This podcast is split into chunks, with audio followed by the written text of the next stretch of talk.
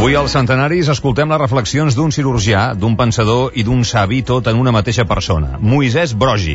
Va néixer el 18 de maig de 1908, o sigui que diumenge passat, abans d'ahir, va fer els 100 anys. Va ser metge de les brigades internacionals i es va convertir en un reputadíssim cirurgià malgrat els entrebancs del règim franquista. La Sílvia Mateu ha parlat amb ell a la seva casa del Puiget, a Barcelona, i ha preparat aquest reportatge amb el muntatge musical de Rosa Silluer i amb Núria Ventura a la producció.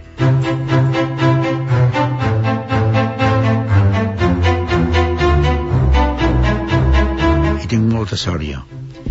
Doncs he tingut sort amb el matrimoni, he tingut set fills, ara tinc, tinc 11 nets, 11 nets i, i, i 6 besnets. I, i continuo tenint la, la meva dona i tot igual. Soc un home afortunat. Aquest home afortunat que diumenge va fer 100 anys és el doctor Moisès Brogi, Té clar que les satisfaccions més grans venen de les relacions humanes i ha afegit l'èxit professional, un gran cirurgià i també un humanista, un pensador. Va exercir la medicina fins als 80 anys. És un home actiu, curiós, amb una mirada viva i que es belluga i gesticula amb una vitalitat gens freqüent en una persona de la seva edat. Troba que el metge d'ara cura molt, però que s'ha perdut en tracte humà. Ara el metge és més un funcionari que un, un amic, com era abans un amic, un home de confiança bon.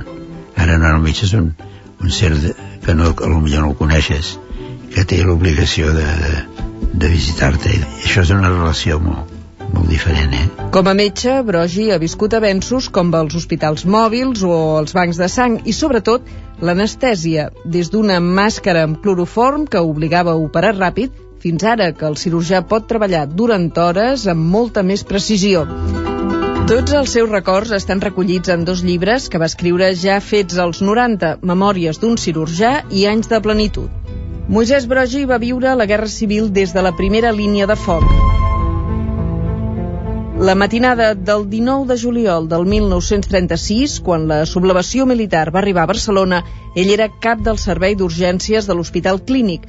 A la nit el van avisar que anés cap a la Barceloneta perquè en passaria una de grossa. El passeig nacional estava tapat per una, per una valla de, de paquets de, de cotó i de, i de paper trinxat o no sé què era, com d'una barricada, i em van col·locar en un botiquín. Diu, perquè ara la matinada, a les 4, sabien l'hora i tot, eh? Vindrà per l'avinguda d'Icària tots els del quartel. I efectivament a les 4 van començar a venir tots els soldats que no sabien on anaven els soldats. Els portaven enganyats. I llavors, amb ametralladores van començar a disparar i llavors els soldats aquells de la, del canó es van escampar, se'n van anar perquè no sabien no sabien el que, el que passava. Ja de tornada cap a casa, el doctor Brogi va ser testimoni d'un moment històric. I a l'arribar al nivell de la, de jefatura de policia vaig desembocar la Via Leitana i llavors pujava la Guàrdia Civil formada presentant armes amb en companys que estava al, al, al balcó de la jefatura de policia i vaig pensar, bueno, això ja està acabat, la Guàrdia Civil. Llavors vaig anar pujant, però a l'arribar a la plaça Urquinaona vaig sentir un tiroteig tremendo de la que venia de la plaça de Catalunya. Esquivant els trets, Brogi va aconseguir fer cap a casa. I vaig dir, mireu, hi ha hagut aquí un xafarranxo tremendo, però ja està, ja està dominat, també s'ha acabat això. I em vaig fer al llit, però llavors em van telefonar del clínic. Dic, escolta, vine aquí perquè està ple de ferits i tal. Bé, vaig arribar al clínic, tot estava ple de ferits, el passillo, la sala d'operacions, tot ple, sangrant, i, en fi, un desastre. Durant la guerra, Brogi va ser cirurgià de les brigades internacionals. Ernest Hemingway es va inspirar en ell al seu llibre Per qui toquen les campanes. Es van conèixer quan estava destinat al front de Madrid. Anàvem a Madrid, a l'Hotel Florida, i allà hi havia l'Hemingway hi havia l'Hemingway, una sèrie de, de periodistes estrangers que feien de corresponsals, entre ells el John Dos Passos i en Matthews, que després va, va fer tota la guerra de Cuba amb en Castro. Bé, i feien tertúlies allà. I nosaltres que estàvem a Torrelodones, anàvem allà i participàvem en aquestes tertúlies. Quan es va acabar la guerra, amb el franquisme, el van apartar de tots els càrrecs oficials. Després em vaig trobar doncs, que a la universitat eh, em va, tre va treure, bueno, l'hospital també, tots els centres oficials, vaig eh, rebre judicis i, i càstigs i tot això. Però vaig espavilar, sí. vaig, vaig tenir la sort de tenir bons amics, tenir molts metges que em coneixien, i m'enviaven els malalts. Com diu ell, s'ha sabut escapar de totes les desgràcies, potser pel que explica el doctor Josep Massons, que també va fer de metge de les brigades internacionals. És un home molt intel·ligent i molt astut. Dues coses, perquè ordinàriament hi ha gent que és astuta i es burra. I, i gent molt intel·ligent que no són astuts, són, són un pa beneit, eh? I ell té les dues coses.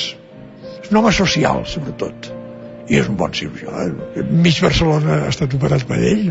El doctor Joaquim Trias i Pujol va ser el seu mestre i també el seu sogre, perquè es va casar amb la seva filla Angelina.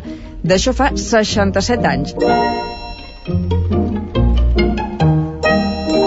L'Angelina, que té 90 anys, és una dona simpatiquíssima i no es queda enrere en vitalitat. Semblen una parella d'adolescents. Mejores no hay. a més, com que hem tingut la sort que jo amb la família i ell amb la feina ha estat sempre molt ocupat, ara és quan estem més tot el dia junts, com a mesos, però abans cada un feia el seu i molt content tothom. Jo he sigut un home afortunat. Ah, sí, no, jo també. I, i una de les fortunes, una de les sorts ha sigut triar la meva dona. Ah, sí? Sí, que, que això és, és fonamental. Sobretot quan arribes a la nostra edat. Sí, això arribes, és fonamental tenir una persona que, que t'estima i l'estimes, això és bàsic. I més floretes, ara per ell. Home, és una persona bastant, ara encara que és a davant, bastant excepcional, eh?, amb tot.